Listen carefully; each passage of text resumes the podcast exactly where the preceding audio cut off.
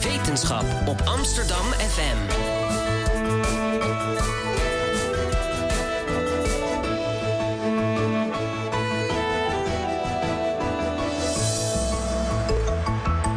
Radio Swammerdam. Uh, goedemorgen Amsterdam en welkom bij Radio Swammerdam, het wekelijkse radioprogramma over wetenschap. Uh, we gaan het over wetenschap hebben, maar je hoort ook flink uh, wat muziek tussendoor. Laat je niet afleiden te veel. We hebben leuke gesprekken. vandaag beginnen we aan het tweede deel van een, een reeks over fundamenten van de realiteit. de vorige aflevering ging het over wiskunde. als bouwsteen van onze realiteit, van de wereld. En vragen zoals hoe ver bestaat wiskunde buiten ons mensen om? en is de snaartheorie uh, in feite is dat een complex wiskundig bouwwerk. Is dat een goede kandidaat voor een zogenaamde theorie van alles? Nou, vandaag gaan we een stapje verder dan de wiskunde en praten we over dingen die iets meer tastbaar zijn, namelijk kwantumdeeltjes. Um, nou, ze zijn uh, wel een beetje tastbaar, maar ook weer niet helemaal. Uh, ze kunnen bijvoorbeeld ook door muren heen bewegen. Ze kunnen op twee plaatsen tegelijkertijd zijn. Ze doen allemaal gekke dingen. Maar gelukkig heb ik twee gasten hier tegenover mij zitten die er van alles vanaf weten. En die gaan het goed uitleggen. We hebben flink muziek eh, eronder uh, om jullie te introduceren. Quantuminformaticus uh, Harry Boerman van het CWI en van de UvA. Uh, en fysicus en filosoof Sylvia Wemmachers van de, Wemmacher, sorry, van de Katholieke Universiteit Leuven. Nou, welkom allebei. Dankjewel. Um, Harry, jij bent onlangs directeur geworden van een nieuw instituut, QSoft. Ja, dat klopt. Quantum Software Research Center voor Quantum Software. En de bedoeling daarvan is om echt heel erg goed te gaan kijken naar uh, wat je kunt doen met een quantum computer, dat is een uh, nieuwe computer die op dit moment, ja, die proberen we te maken. De, we, de wetenschap, over de hele wereld. maar ook in Nederland. En we zijn, ja, we zijn nu een heel, heel stuk verder daarmee. Er zijn onlangs behoorlijk wat doorbraken gemaakt tot het realiseren van die quantum computer, de, de hardware. Maar waar nog ook heel veel aandacht aan besteed moet worden, dat is de software. Hoe programmeer je zo'n quantumcomputer? Wat kun je ermee? Wat kun je er niet mee? En dat is precies wat we met dat Quantum Software Instituut willen gaan doen. Met QSoft gaan we ons echt richten op de, de toepassing van de quantumcomputer. Ja, dat is eigenlijk al een stap verder, uh, alvast vooruit, als het ware. Ja, maar zeker ook vooruit. Want ja, het mag toch niet zo zijn dat als we straks dat mooie glimmende doosje op tafel hebben staan... dat we niet weten wat we daarmee moeten. Maar het is ook nog wel redelijk um, realistisch, want er zijn nu al hele kleine mini-quantumcomputertjes met vrij weinig geheugen. En daar is ook de vraag van wat kun je met een aantal qubits, dat zijn de bouwstenen van een quantumcomputer, daar waar bits, dat zijn de bouwstenen van een klassieke computer. Mag je straks nog beter ja, uitleggen? Ga ik straks beter uh, uitleggen, ja. Vast te noemen. Ja. Uh, maar leuk, gefeliciteerd met QSoft. Um, en Sylvia, jou mag ik ook uh, eigenlijk nog een beetje uh, feliciteren. Je was hier onlangs in deze. Je bent helemaal uit Antwerpen gekomen hierheen. dus nou, dank daarvoor. Je was onlangs wel in onze stad. Toen was je in de stad Schouwburg en kreeg jij de Robert Dijkgraaf Essayprijs uitgereikt. dat was een prijs met de opdracht: schrijf iets over verbeelding in de wetenschap. Um, en ik vond het eigenlijk wel leuk om daar even mee te beginnen. Hoe, in hoeverre denk je dat verbeelding noodzakelijk is binnen de wetenschap? Of als om, om als wetenschapper goed, zijn goed te zijn in verbeelding? Wel, ik, ik denk dat het uh, een centrale rol speelt in de wetenschap, maar het is wel een thema waar ik lang mee geworsteld heb. Bijvoorbeeld als student vroeg ik me wel af van ja, wanneer kan ik zelf iets creatief bijdragen? En bestaat er geen gevaar dat ik door al die informatie te absorberen eigenlijk nooit tot iets nieuws ga komen? Want als je te lang blijft meegaan met wat er al is, dan komt er natuurlijk niks nieuws. Uh, en het was zo dat ik ook uh, naar de tekenacademie ging en dat ik gaandeweg uh, heel veel parallellen zag tussen hoe vernieuwing en verbeelding in de wetenschap werkt en in de kunsten.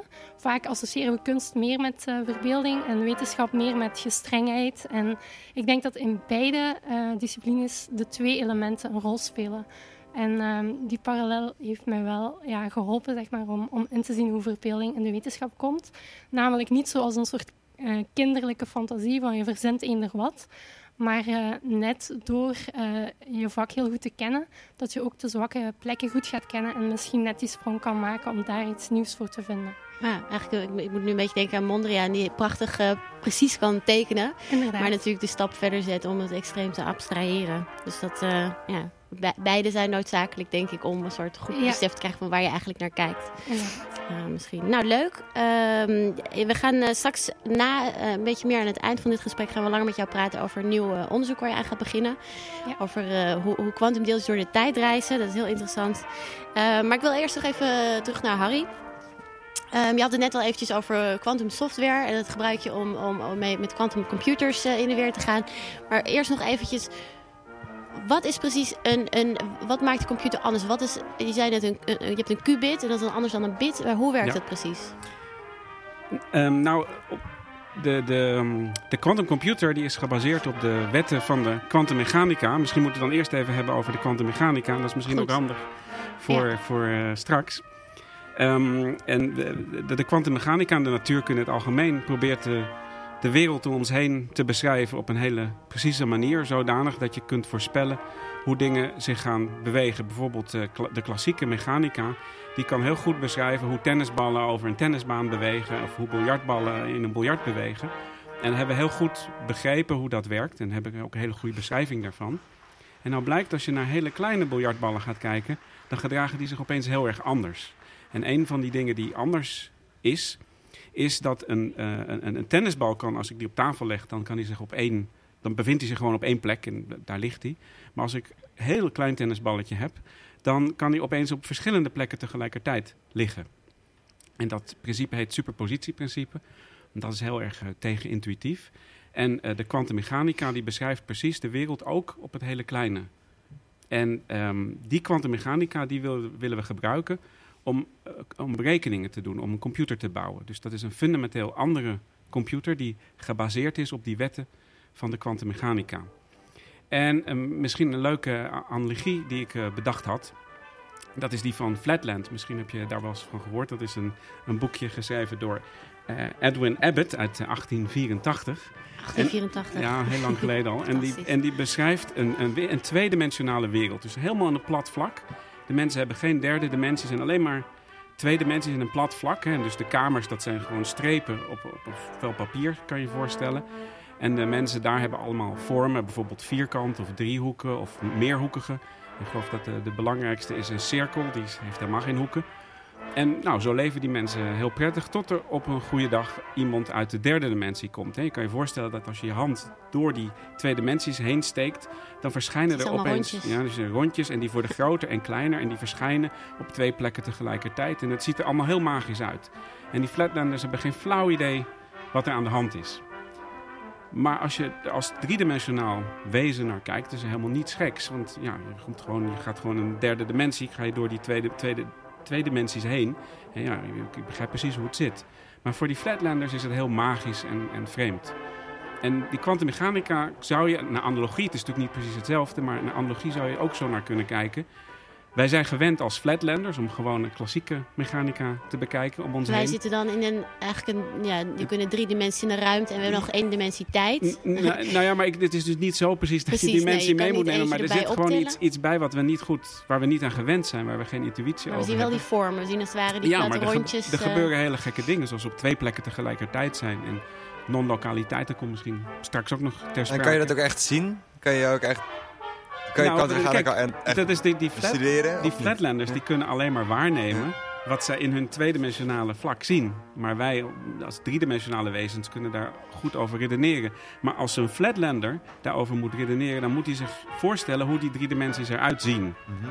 En dat is precies wat wij ook moeten doen. Wij moeten ons voorstellen hoe die kwantummechanica eruit ziet. En hoe dat dan ja, wel projecteert gel- in, gelukt, in onze toch? wereld. We hebben wel een foto kunnen maken van een lichtdeeltje op meer plekken tegelijkertijd. Dat kan wel, soort van. Nou, je kunt, nou, dat kan niet. Of kan, je kan hier Nee. niet naar kijken, want wat, gebeurt er dan? Nou, maar dit is inderdaad het gekke. Als je dus naar die biljartballen, of die hele kleine biljartballetjes op tafel kijkt, dan, dan zie je ze niet tegelijkertijd. Maar dan zie je ze of op de ene plek of op de andere. Met, je een, niet met een bepaalde kans.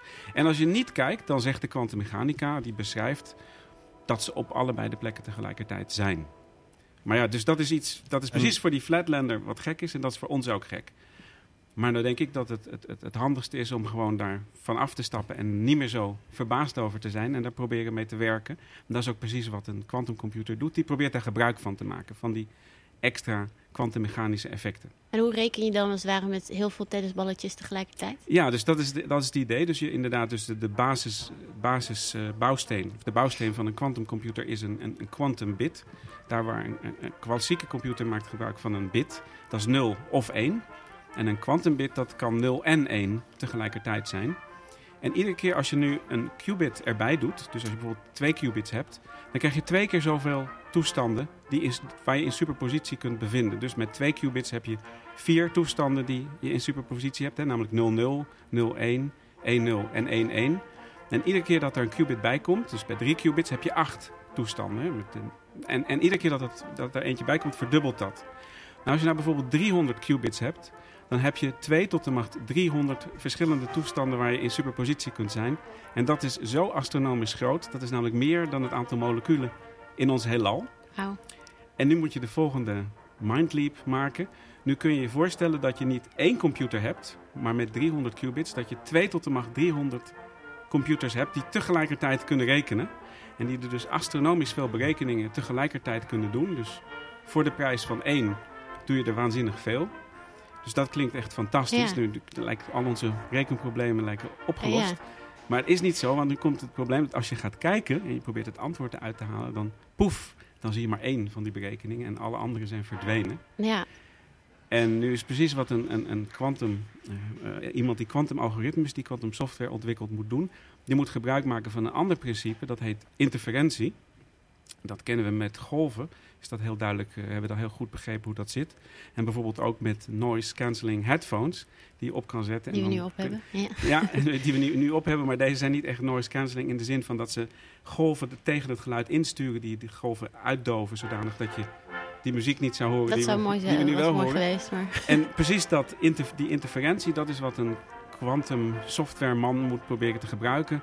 Om toch goed gebruik te maken van die quantumcomputer. Zodanig dat je, en dit is het gekke, dat je de berekening die je wilt zien, dat die elkaar versterken. En de berekeningen die je niet wilt zien, elkaar uitdoven.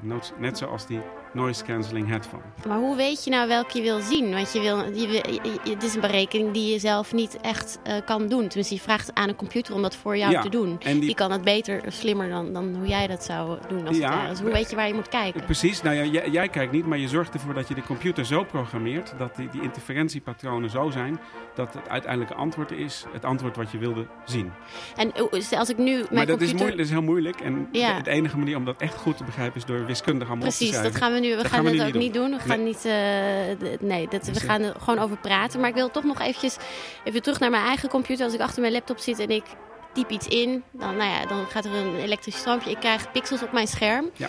Dat zijn allemaal klassieke dingen. Een pixel is ook Mhm. in feite iets, een, een zwart puntje of een wit puntje als het ware. Ja. Dus je begint altijd, ook met die quantumcomputer, begin je wel met iets klassieks. Je vraagt hem bijvoorbeeld een som te doen voor jou. Ja, mee eens. Ja, Dus, je- je- dus je- hebt, je vraagt iets klassieks, dan gebeurt er iets in een zwarte doos. Waar Ja. we niet naar mogen kijken, Nee, maar wat we zeker hopelijk met interferentie dan proberen een beetje te structureren en te sorteren. Maar dan komt de vloep goed. ook wel weer een antwoord uit, wat wel. eh, klassiek is weer. en hoe, hoe weet je nou of dat antwoord dan klopt, als het Oh, ware, wat als je niet in een de computer vraag. mag kijken? Hadden we niet voorbereid, geloof ik, of wel? Nee, een hele goede vraag. Nee, super. Want dat is heel erg moeilijk. Want die, die, die quantumcomputer, die, die, die hopen we dat die dingen kan berekenen... die we nu op een gewone computer niet kunnen berekenen. Dus dat je wel gebruik kan ma- kunt maken van die exponentiële mogelijkheden die er zijn. En nu is een hele goede vraag. Hoe weet je nou dat die quantumcomputer het goed heeft uitgerekend? En dat is precies een van de stromingen, een van de lijnen die we in QSoft hebben uitgezet. Quantumverificatie en, en debugging.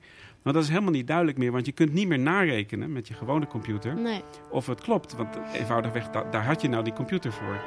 Dus hoe, ga je er nou, hoe kom je er nou achter dat, die, dat het klopt? En ja, daar moet nog heel veel onderzoek naar gedaan worden. We hebben wel ideeën. Je kunt in een dialoog gaan met je quantumcomputer en hem vragen stellen. Zodanig dat je wel ervan overtuigd raakt dat hij het goede berekend heeft. Zonder dat je weet wat hij, hoe hij dat gedaan heeft. Dus er zijn wel mogelijkheden voor, maar daar moet nog heel veel onderzoek naar gedaan worden. Gaan- Nee. En, hele goede ehm, vraag. Dank je. Ehm, nou begrijp ik dat die, die, die supersnelle berekeningen zijn ook met name voor ehm eh, medische biologie heel erg nuttig. Of in ieder geval voor medisch onderzoek, genetisch onderzoek. Uiteindelijk op den duur. Want daar heb je blijkbaar heel vaak berekeningen nodig met heel veel alternatieven. Dat je heel veel verschillende mogelijke berekeningen naast elkaar wil doen eigenlijk. Of hoe werkt het? Waarom is het? Want ik denk dat mensen denken, oh ja, dat snap ik wel. Medicijnonderzoek, dat is Ja. wel een beetje Nou, dat is, dat is nog maar helemaal de vraag of het inderdaad voor dat medicijnenonderzoek bruikbaar is. Maar dat zou heel goed kunnen. En eh, een van de toepassingen van de quantumcomputer, en dat is ook precies wat we proberen uit te zoeken, want we weten nog heel weinig wat je met die quantumcomputer komt, vandaar ook dat instituut. Ehm, eh, maar een van de, van de toepassingen zal waarschijnlijk wel zijn het simuleren van kwantummechanische systemen van de natuur om ons heen. En in de biologie, bijvoorbeeld bij, eh, bij, ehm, eh, als een, een plant zonlicht eh, gebruikt om daar energie uit te halen, ehm, dat is een kwantummechanisch proces. En om dat goed te beschrijven, eh, heb je dus die kwantummechanica nodig. En als het systeem een beetje groot wordt, dan kunnen we dat niet meer met pen en papier of met een supercomputer zelfs goed beschrijven. Maar met zo'n quantumcomputer kan je dat wel. En je kunt dan helemaal narekenen hoe dat systeem zich gaat, eh, eh, zich gaat bewegen en hoe, het eruit gaat zien. En op, op die manier kan je die quantumcomputer gebruiken om bijvoorbeeld betere medicijnen te vinden. Maar dat, dat is nog maar helemaal de vraag of dat e- wel gaat lukken. Maar er is wel nu een mogelijkheid om dat te doen. Ja. Dus het simuleren van de natuur om ons heen, dat kan je heel goed met een quantumcomputer. En dat kan je dan weer gebruiken om allerlei verbeteringen aan te brengen. Oké. Ehm, ik, ik denk dat het tijd is even voor een liedje. We gaan na het liedje verder praten over nog een eh, toepassing in het eh, versleutelen van geheime berichten. Eh, maar eerst eventjes een, een muziekje.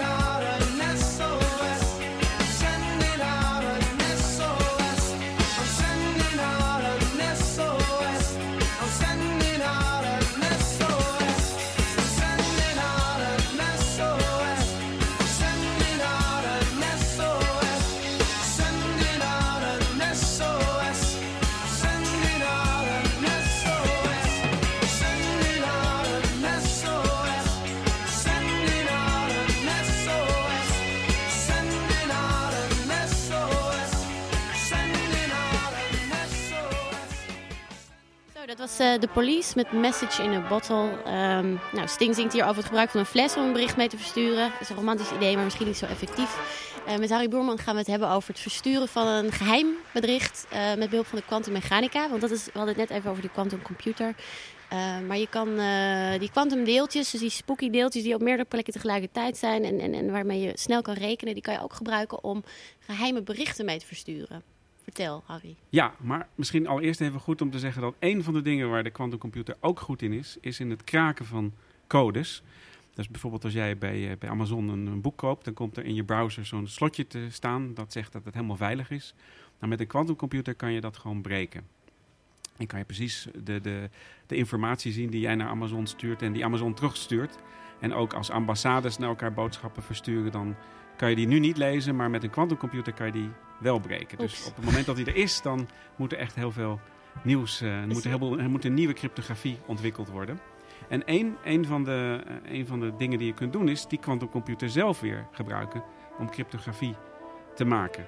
Om een kwantumcryptografisch protocol op te zetten. En dat is dan het En- versleutelen van het geheime bericht. En, ja, Crypto- van, cryptografie ja, klinkt, klinkt altijd zo eh, als iets eh, heel eh, esoterisch. Maar het is gewoon eigenlijk het ver- ver- beschermen van een bericht, zodat een ander iemand het niet kan. Precies. Dat, ja, aflezen. als twee personen, bij bij ons heten ze vaak Alice en Bob, elkaar een bericht willen sturen. Dat als er een derde persoon is, die heet Eve altijd, van de eavesdropper, van de afluisteraar. Dan, dan wil je dat die niet, niet kan onderscheppen, niet kan lezen wat, wat Alice naar Bob heeft gestuurd en, en, en- Bob mogelijk terug naar Alice. En dat kan eh, als, als, als Alice en Bob een geheime sleutel hebben, als ze een eh, eh, geheim weten, dan kunnen ze dat geheim gebruiken om hun boodschap te versleutelen en dan naar elkaar te sturen. En dan kan de andere partij die kan dan de sleutel gebruiken om het bericht te ontcijferen. En als de, de eavesdropper, als degene die in het midden meeluistert, als die niet die sleutel heeft, dan kan je laten zien dat het helemaal absoluut veilig kan. Maar nu is het grote probleem, hoe krijgen Alice en Bob een geheime sleutel die alleen zij weten? En hier komt eh, de kwantummechanica eh, heel erg goed van pas. Want wat ze kunnen doen is ze proberen om een geheime sleutel te, te maken en ze sturen qubits naar elkaar. En nu is het zo dat als die, die eavesdropper gaat luisteren, als die probeert dat, die, die qubits af te luisteren, dan moet hij ze verstoren. We hadden net al gezien dat als je kijkt naar zo'n qubit, dan wordt het opeens, dan bevindt hij zich op ene plek of op de andere plek. En het hele gekke van de kwantummechanica is dat hij dan het deeltje verstoord heeft. Dus door te kijken verstoor je het, het systeem. En dat is nou precies het principe waar die quantum eh, en- encryptie gebruik van maakt. Namelijk als er dan iemand afluistert, dan bemerken Alice en Bob dat. Dan kunnen ze dat zien. hey, het systeem is verstoord. En dan kunnen ze, eh, kunnen ze het weer nog een keer gaan proberen. Net zolang tot ze zeker weten dat niemand afgeluisterd heeft. En dan hebben ze allebei een geheime sleutel. En die gebruiken ze dan om dan pas de boodschap te versturen. Hmm. En dit klinkt heel erg Star Trek-achtig, maar dit, dit is echt al, bestaat al. En er is een klein bedrijfje in Zwitserland wat dit soort systemen verkoopt. Dus dit is al echt al commercieel verkrijgbaar. Maar hebben jullie nu ook eh, de, de, de, de Russische maffia al op de stoep staan? Die zegt van, hé, hey, het lijkt me wel wat, die kwantumcomputer. Die wil ik wel gebruiken, want daar kan ik mooie codes mee kraken. Nee, maar de, de maffia gelukkig nog niet. Maar, maar wel de, de veiligheidsdiensten zijn zeer geïnteresseerd in, in, in hoe ver we nou zijn. Want je kunt je voorstellen dat op het moment dat die quantumcomputer er is, dan moet er ook Dan echt... moet je al ja, die... ja. eh, Ja, dan moet er iets veranderen. En het is eigenlijk nog, nog belangrijker, er moet eigenlijk nu al wat gebeuren. Want als je wil dat als je nu een boodschap verstuurt en je wil dat die over 20 jaar nog steeds veilig is, omdat er gevoelige informatie in staat bijvoorbeeld, dan moet je ervoor zorgen dat je het nu al op een andere manier versleutelt. Want je kunt er gif op innemen dat allerlei instanties de informatie die nu verstuurd wordt gewoon opslaan en nog niet kunnen lezen. Maar op het moment dat die quantumcomputer er is, kunnen ze dat wel. Dus als je wilt dat dat, dat, dat niet kan gebeuren, voor je creditcard is dat niet zo belangrijk, maar als het echt gevoelige informatie is, dan wel, dan moet je nu al een andere encryptie gaan gebruiken. Dus Ja, dus wer- ja, werk aan de dus winkel er- voor er- er jullie. is, eh, Er is, er is zeker eh, werk aan de winkel, ja. Precies. Ja. Nou, heel interessant. Ehm, we gaan even naar de column van André Kloekhoen. Die zit hier naast mij. En die heeft mooi meegeluisterd. En die heeft een eh, verhaal eh, bedacht bij deze uitzending. Ik ben benieuwd. Oké. Hoewel de kwantumtheorie een verrassend goede beschrijving geeft van een met elementaire deeltjes bevolkte microwereld, overstijgen de consequenties ook nu nog en eigenlijk steeds verder het menselijk voorstellingsvermogen. Toen de grootste wetenschappelijke geesten die de 20e eeuw heeft voortgebracht, onder wie Wilhelm Wien, Albert Einstein, Niels Bohr, Erwin Schrödinger, Werner Heisenberg, Paul Erevest en Max Born tijdens hun congressen met elkaar over die onvoorstelbare wereld in de slag gingen, waren dat fascinerende gebeurtenissen. De confrontaties tussen de verschillende partijen waren vaak heftig, heftig en slopend. Heisenberg schreef dat Wilhelm Wien hem eens bijna uit de gehoorzaal had gegooid. En toen de zichtbaar uitgeputte Schrödinger er tijdens een bezoek aan boord overspannen van was geraakt, ging de laatste op de rand van zijn bed zitten om de discussie voor te zetten. Luister Schrödinger, je moet toch echt... Terwijl Boors echtgenote Margarethe de doodzieke gast onderwijl liefdevol verpleegde. Vooral de ontmoetingen tussen Einstein en Bohr zijn legendarisch en hun discussie over de grondslagen van de kwantumtheorie staat bekend als de grote dialoog. Ehrenfest schreef dat het nog genot was om die twee gesprekken bij te wonen. Einstein voerde steeds nieuwe voorbeelden aan om de kwantumtheoretische onzekerheden weg te krijgen, waarna Bohr die dan met een reeks van filosofische argumenten steeds weer onderuit haalde.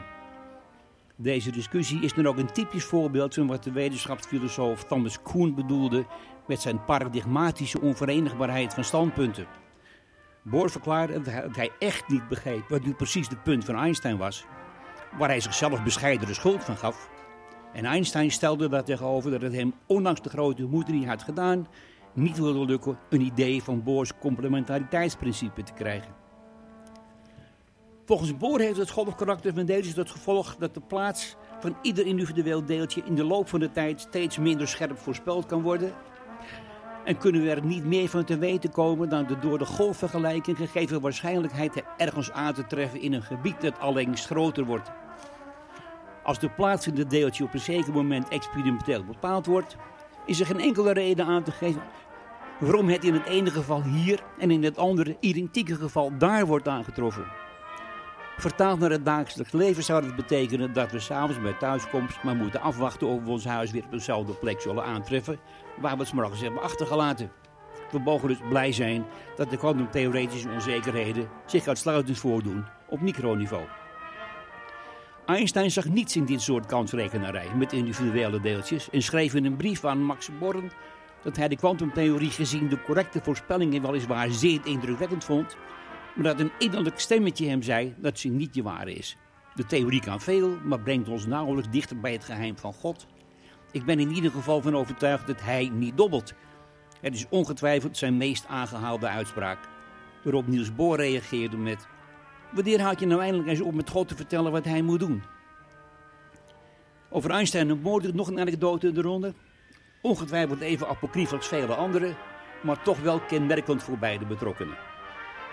Bij een bezoek van Einstein aan Bohr, met de bedoeling de grote dialoog voor te zetten, ontdekte de eerste een hoefijzer boven de voordeur van zijn gastheer en informeerde, verrast of Bohr ook werkelijk geloofde daarmee geluk af te dwingen. Na de stellige ontkenning van Bohr wilde Einstein natuurlijk weten waarom het ding er dan hing. Waarop Bohr geantwoord schijnt te hebben dat hij had gehoord dat het ook werkt bij mensen die er niet in geloven. Dank je, André. We gaan even muziek luisteren. Mystery repeats. Life got tricks, but it treats too. Love my ancestry, yo, I see you. Y'all live through me, so I'ma live through you. Continue this beautiful cycle. History always tries to enlighten you. How much been decided for you? You don't know, so you just go. As far as you can go, go slow. Hey yo, know this, I've noticed what it is about growth is. Separating real from the fake and bogus. Sitting at the dock of the bay like oh, Otis, we just slide through this thing called life. Everything gonna be alright as you stay true to the path that's inside. Mystery repeats. Mystery repeats. Mystery repeats. Mystery repeats. That first spliff? What if I never gave Sam that first kiss? What if I never even heard EPMD? Would you still notice me? What if I never went and heard Berg's first demo? Gave him a call to the crib. Would I still be known as the fellow rolling with a dude with a cello? What if these questions arise as I look in my eyes and I see my own surprise, wondering what path lies before me? Probably the same as the ones before me. And I'll pass it right down to my seed, a mystery indeed. I'll tell him how proud I be. Go ahead, make history. Mr. B repeats. Mr. B repeats.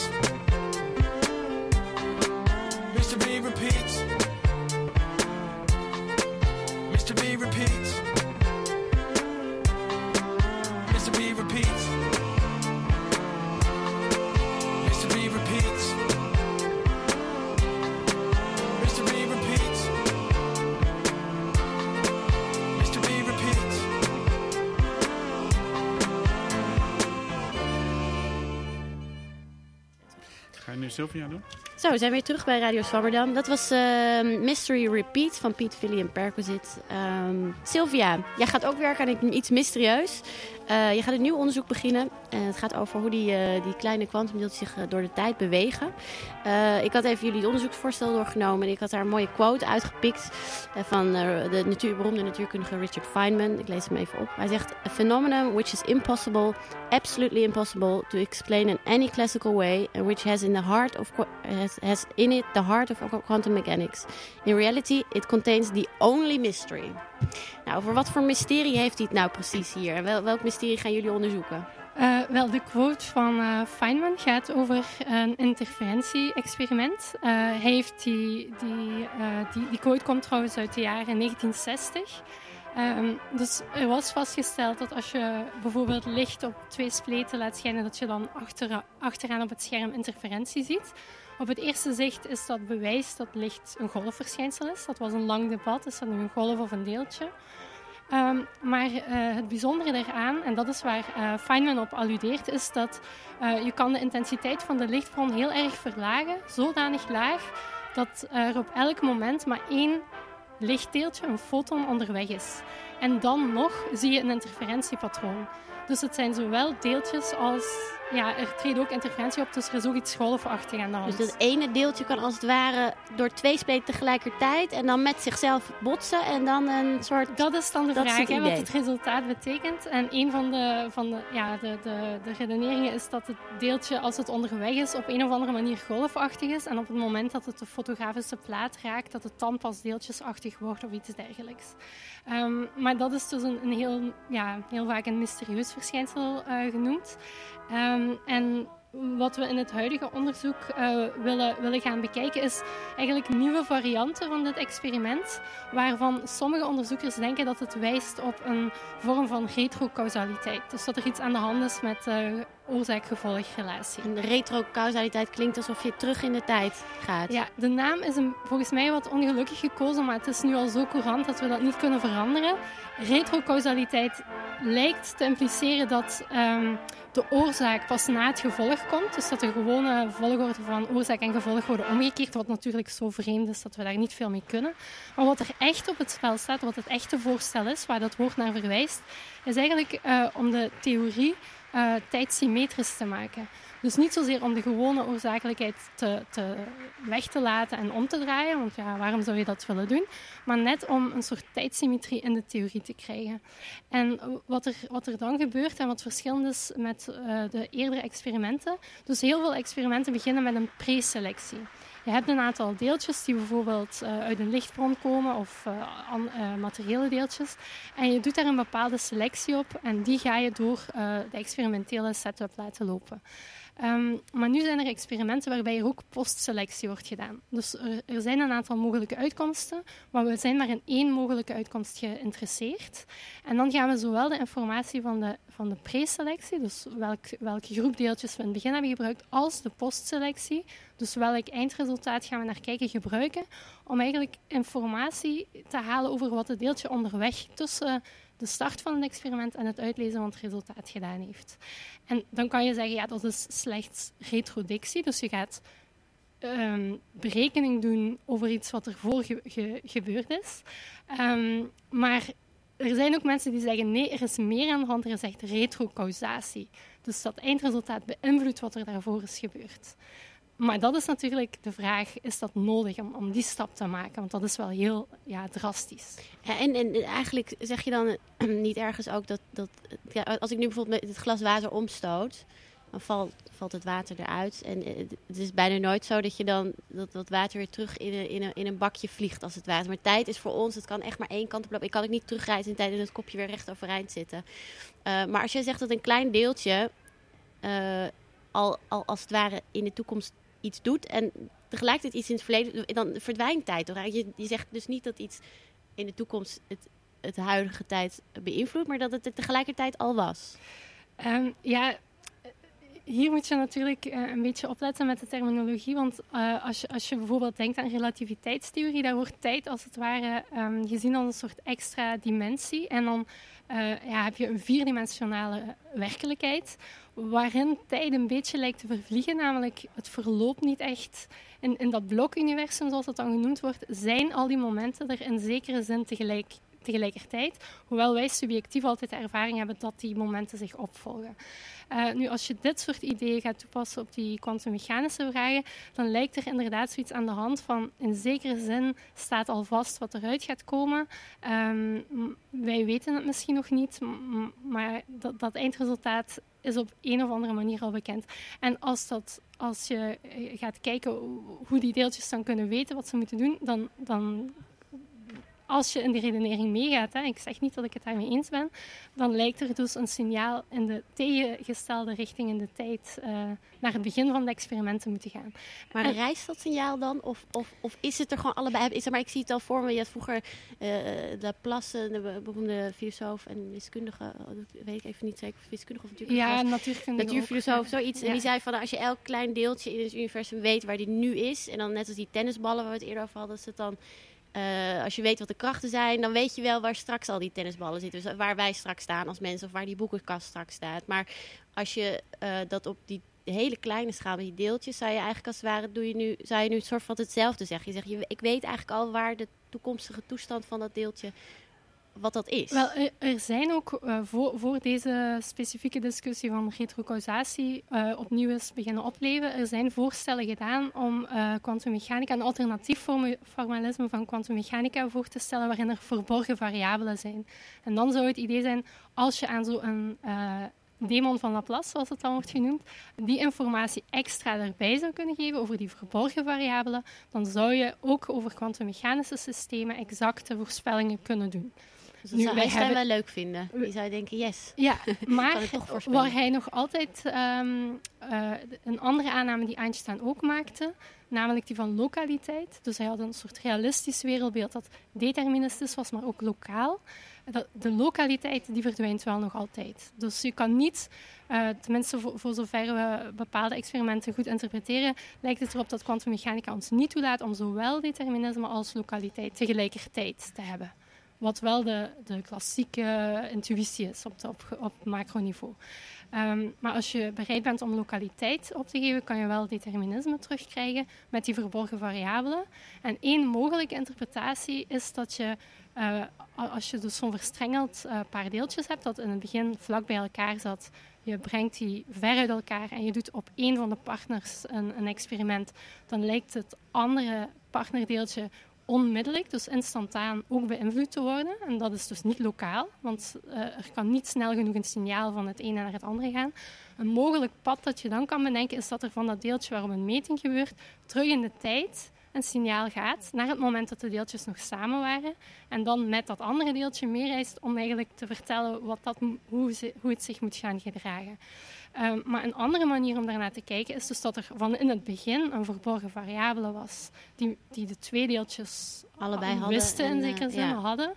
En, en, maar dat is net het project. We willen eigenlijk kijken in hoeverre kunnen we de verschillende interpretaties naar elkaar vertalen. En wat is nu echt um, ja, cruciaal om aan te nemen en hoe, hoe kunnen we eigenlijk zo onmysterieus mogelijk over kwantummechanica praten. En eigenlijk willen we liefst zo weinig mogelijk eh, vreemde ingrediënten zoals retrocausaliteit hebben. Maar we gaan onderzoeken we gaan het net hopen dat wel het weg is misschien. Ja. dat het er niet is. Heb Ja. je daar een praktisch voorbeeld van? Van twee eh, dingen of objecten die dan met elkaar in verband staan. Waar dan eentje, als bijvoorbeeld, ik heb een artikel wat ik van mijn collega heb gekregen. Het gaat over magic dices. Dus eh magische dobbelstenen. Of, ja, Ik denk ja. dat eh, het eerdere gesprek, eh, dus bij die kwantumcryptografie, wordt er heel vaak met entangled deeltjes eh, gewerkt. Dan krijgen Alice en Bob allebei een, een, een paar van een verstrengeld paar deeltjes mee.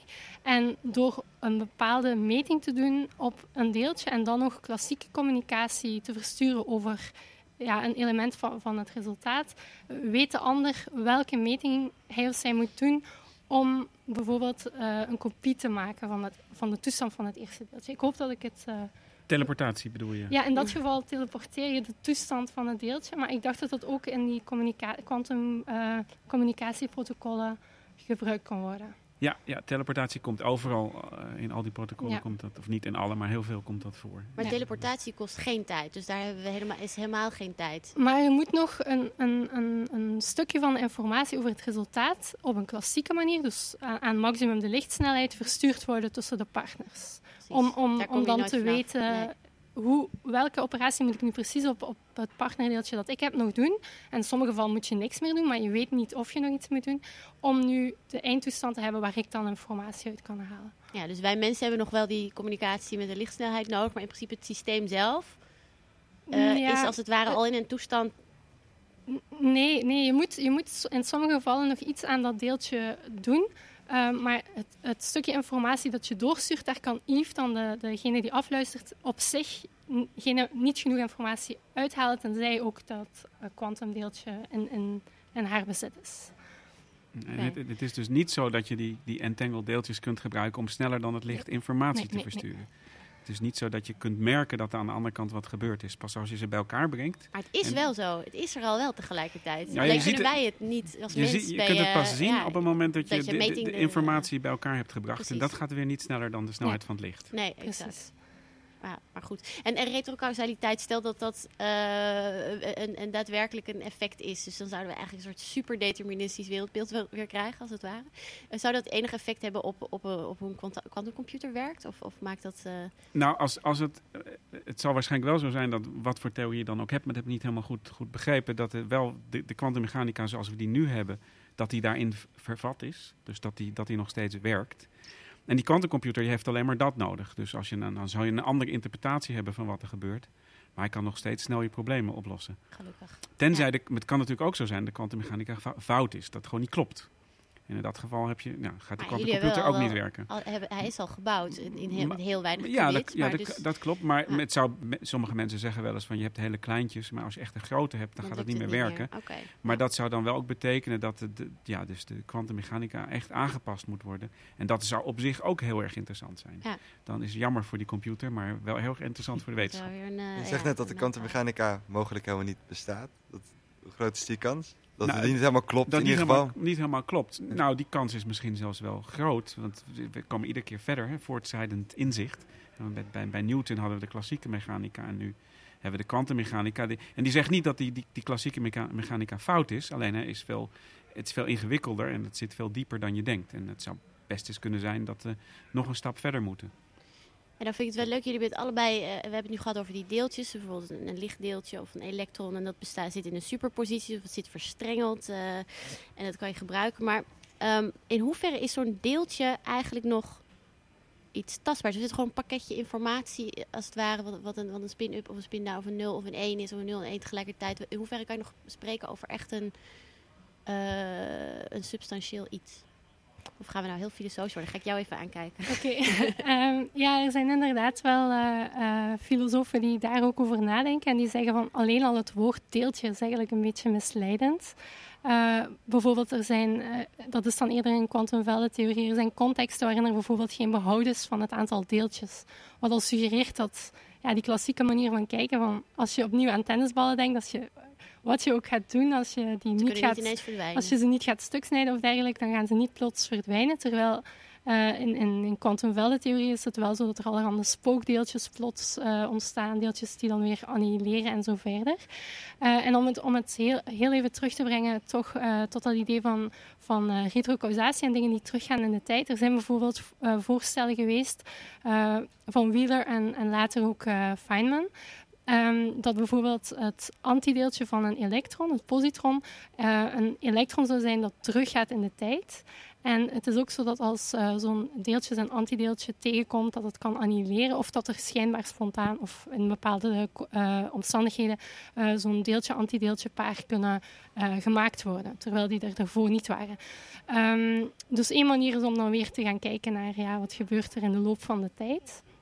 Maar een andere manier om ermee om te gaan is om te zeggen, ja, die deeltjes, dat materieachtige, of eh, in het geval van elektronen hebben, hebben die, hebben die eh, iets materieachtig, maar dat is toch niet zo fundamenteel. En eigenlijk moeten we meer naar excitaties van ehm, ja, een veld kijken, in plaats van die deeltjes als, als eh, het gegeven te beschouwen. Oké. En eh, ik had trouwens nog even een quote opgegeven van Wheeler. Want wat ik wel leuk vind, waar ik achter ben gekomen, is dat die man echt heel verwoed op zoek is geweest naar een soort fundamenteel idee van de realiteit. En hij was echt een avonturier daarin. Hij, hij dacht heel, heel gek daarover. En eh, op zich best inspirerend. Ik had één quote en ik ben echt wel benieuwd hoe jullie daar allebei op kijken. Want je hebt meer filosofische achtergrond. Je hebt geen filosofische achtergrond. Maar je bent wel bezig met informatie eh, versturen en ver, in verstrengelde toestanden. Dus ik ga hem even oplezen. Ehm Wieler zei, die zei iets van informatietheoretische aard ligt ten grondslag aan de fysica, de ruimte-tijd, het bestaan zelf.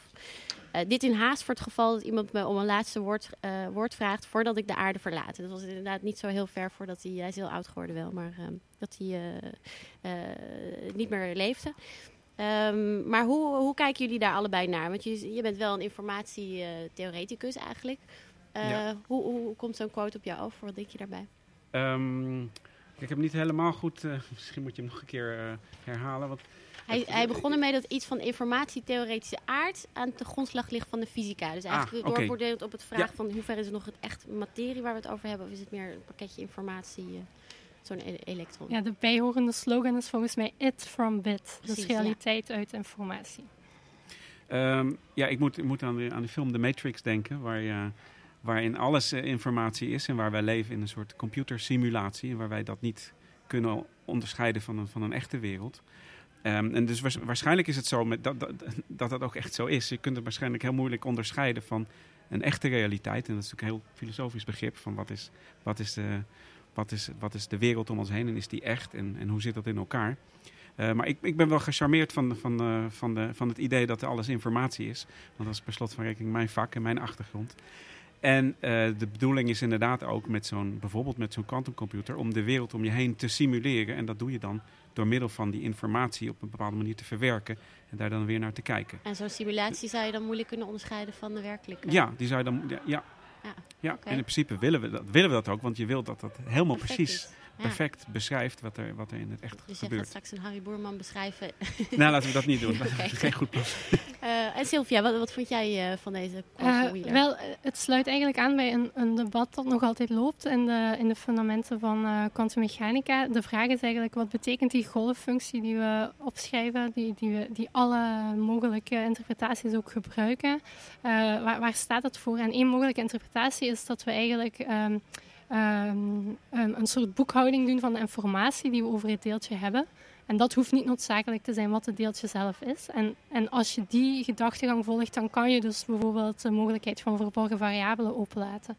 En dan, dan is er ook binnen kwantummechanica wel nog ruimte, denk ik, eh, voor een soort, ja, toch in zekere zin een realistischere interpretatie. Maar als je zegt, ja, de golffunctie, dat is eigenlijk eh, ja, de beste beschrijving van de werkelijkheid. En niet alleen de informatie die wij ervan hebben, dat is gewoon de informatie die er in de realiteit is. Ja, dan kom je wel dichter bij eh, de quote van Wheeler. Maar daar, daar is eh, nog verdeeldheid over. Daar is geen consensus voor zover ik weet. Nee. En als je die, die boekhouding als het ware gaat bijhouden, hebben jullie nu al wel verwachtingen waar, eh, waar iets vreemds aan de hand is? Eh, ja, waar, waar ik het daarnet over had, die pre- en postselectie. ehm, dat zijn eigenlijk dingen die, als je naar waarschijnlijkheden gaat kijken, de informatie die je in het begin of aan het einde eh, meeneemt, daar zit een zekere symmetrie in. En dan is precies de vraag van het project dat in januari start. ehm, is die symmetrie alleen maar op het niveau van onze informatie of is dat de informatie in de werkelijkheid en is er gewoon niet meer dan dat? Oké, nou ja, dus dan weet dan dat is een soort manier om te proberen onderscheid te maken tussen eh, Ja. simulatie en eh, werkelijke toestand. Is het trouwens i- een, een, een eh, voor de luisteraars is het een filosofisch project of een, eh, een natuurkundig project? Ja, het is echt wel de twee. Dus eh, eh, Pieter Thijssen is de, degene die een doctoraatsonderzoek doet rond deze onderwerpen. Hij, doet hij is trouwens ook geïnteresseerd in tijdachtige krommen en, en hoe dat die in kwantummechanica gesimuleerd kunnen worden. Maar we werken ook samen met iemand van het... Dus zowel hij als ik zijn geaffilieerd bij de faculteit Wijsbeheer, maar we werken ook samen. Dus de co-promotor van dit project dat gaat starten is Christian Maas en hij werkt bij natuurkunde. Is eh, ja, theoretisch fysicus. Dus het is echt wel de twee componenten die we proberen samen te brengen. En Harry, zit er bij jou ook filosofen in eh, bij QSoft? Of eh, nee, dat lijkt me niet, of wel? Ja, dat zou misschien Ehm, ook wel wat... Nou, en ik, er, zijn, ja, er zijn wel mensen die hebben bijvoorbeeld filosofie gestu- gestudeerd, die zitten erbij. Maar in eerste instantie zijn we op zoek naar mensen die inderdaad op het, op het grensgebied liggen van de informatica, de wiskunde en de natuurkunde. Omdat die drie componenten echt samenkomen in het bekijken wat je, moet, wat je kunt doen met een quantumcomputer. Dan kun je goed voorstellen dat Ja. je van alle drie wat moet weten. En die mensen moeten eigenlijk ook opgeleid worden. Dus eh, als er luisteraars geïnteresseerd zijn, dan... eh, goed, kunnen zich aanmelden. kunnen zich Jullie zullen aanmelden, wel veel eh, mensen nog nodig hebben, ja. ja, Ik zie ja. dat ik nog een beetje tijd heb. Ik wil eigenlijk nog één dingetje.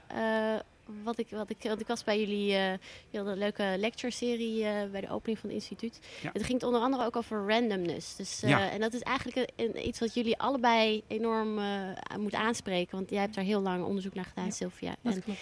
voor jou is het nodig om, eh, om de software ook te maken.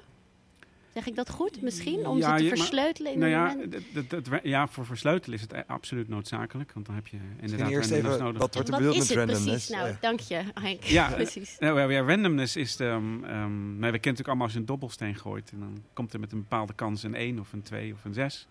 En dat kun je van, van tevoren niet voorspellen. Dat is randomness. En de kwantummechanica kan je het zien. We hadden het net van die tennisbal. Hij lag ofwel links of rechts. Of in, in, in superpositie van allebei tegelijkertijd. En de kwantummechanica zegt dan, als je ernaar kijkt... dan zie je hem met een bepaalde kans aan de ene kant liggen... en- of met een bepaalde kans aan de andere kant liggen. En je kunt niet voorspellen van tevoren welke van die twee het wordt. Het enige wat je erover kunt zeggen is dat het met een bepaalde kans het geval is. En dat is randomness. Maar randomness is trouwens ook een heel erg interessant filosofisch probleem. Vertel. Ja, ja dus eh, hoe, hoe ik randomness zou, zou definiëren, heeft het, zou ik inderdaad vanuit kansen doen en zeggen iets is random als, het exact, als er verschillende mogelijke uitkomsten zijn met exact dezelfde kansen. Want vanaf dat de kansen een klein beetje verschillend zijn, is het al niet meer helemaal random. Dan kan je eigenlijk met iets meer dan een blinde gok eh, voorspellen wat er gaat gebeuren. En een aantal van die, van die eh, kwantumformalismes die, die we gebruiken, zijn net superposities waarbij de voorfactoren zo zijn dat de mogelijke uitkomsten gelijk zijn. En voor sommige andere toepassingen wil je net ongelijke voorfactoren. Maar de, de, meest pure vorm van randomness heeft te maken met iets dat met gelijke kans optreedt. En bijvoorbeeld de dobbelsteen van daarnet, daarvan zou je kunnen zeggen, ja, we beschouwen het als random, omdat we eigenlijk niet eh, voldoende informatie hebben over de begintoestand en hoe je precies gooit. Maar opnieuw, zo'n demon van Laplace zou eh, perfect kunnen voorspellen voor die het aantal ogen op tafel ziet liggen wat de uitslag gaat zijn. En, en het lijkt erop dat het bij kwantummechanica toch iets fundamenteler eh, bron van onzekerheid zit. En dat is dan ook weer de vraag, eh, is dat dat, zo of dat Voorspellen van zo? zo'n dobbelsteen die dan gooit, wat eruit zou komen, heeft dat te maken met echt de fysieke manier waarop je gooit? Of met, Ja, precies. ja. Eh, bijvoorbeeld voor muntworpen is er eh, iemand die een opstelling heeft gebouwd. Die, die, als je dat maar één keer ziet, dan lijkt dat ja, een, normale, geldige worp. Maar dat apparaatje is zo afgesteld dat bijvoorbeeld altijd kop eh, het einde is. En bij munten is het ook zo dat we eigenlijk, no- eh, bijvoorbeeld bij een voetbalwedstrijd, willen we eerlijk kiezen wie mag beginnen. Eh, maar de scheidsrechter gaat dan niet proberen kijken hoe ligt de munt nu en hoe ga ik gooien. We willen eigenlijk randomness. En, de- en eh, voor sommige toepassingen hebben we dat gewoon nodig. En bevorderen we eigenlijk zelf onze onzekerheid over de begintoestand, zodat we echt wel tonen van we willen eerlijk zijn. Maar als er een soort objectieve bron van randomness in de natuur zou zitten, dan zou dat nog beter zijn. Dan zou dat aantoonbaar eerlijk kunnen zijn, bijvoorbeeld om keuzes te maken. En, eh, maar zo'n fundamentele randomness, als je dan dus, eh, stel ik, ik kijk naar een elektron in, het topje van mijn vinger, dan als ik als het ware dus daar niet een meting aan doe, dus dat is natuurlijk, hij zit al in mijn vingers in zekere zin, er gebeurt al wat, maar stel dat, dan is zo'n zo'n klein deeltje heeft in principe evenveel kans om op de maan te zitten als ik er niet naar kijk als hier op tafel. Dus kan je het zo kunnen zien? Ik hoor heel hard al de toon. We zijn, ik ben alweer veel te veel te ver. Maar geeft hem mee. We gaan in de volgende uitzending verder over hebben. Fundamenten van de realiteit. Dankjewel eh Harry Boerman Alsjeblieft. en eh, Sylvia Wemmakkers. Graag gedaan. Rick column en Henk.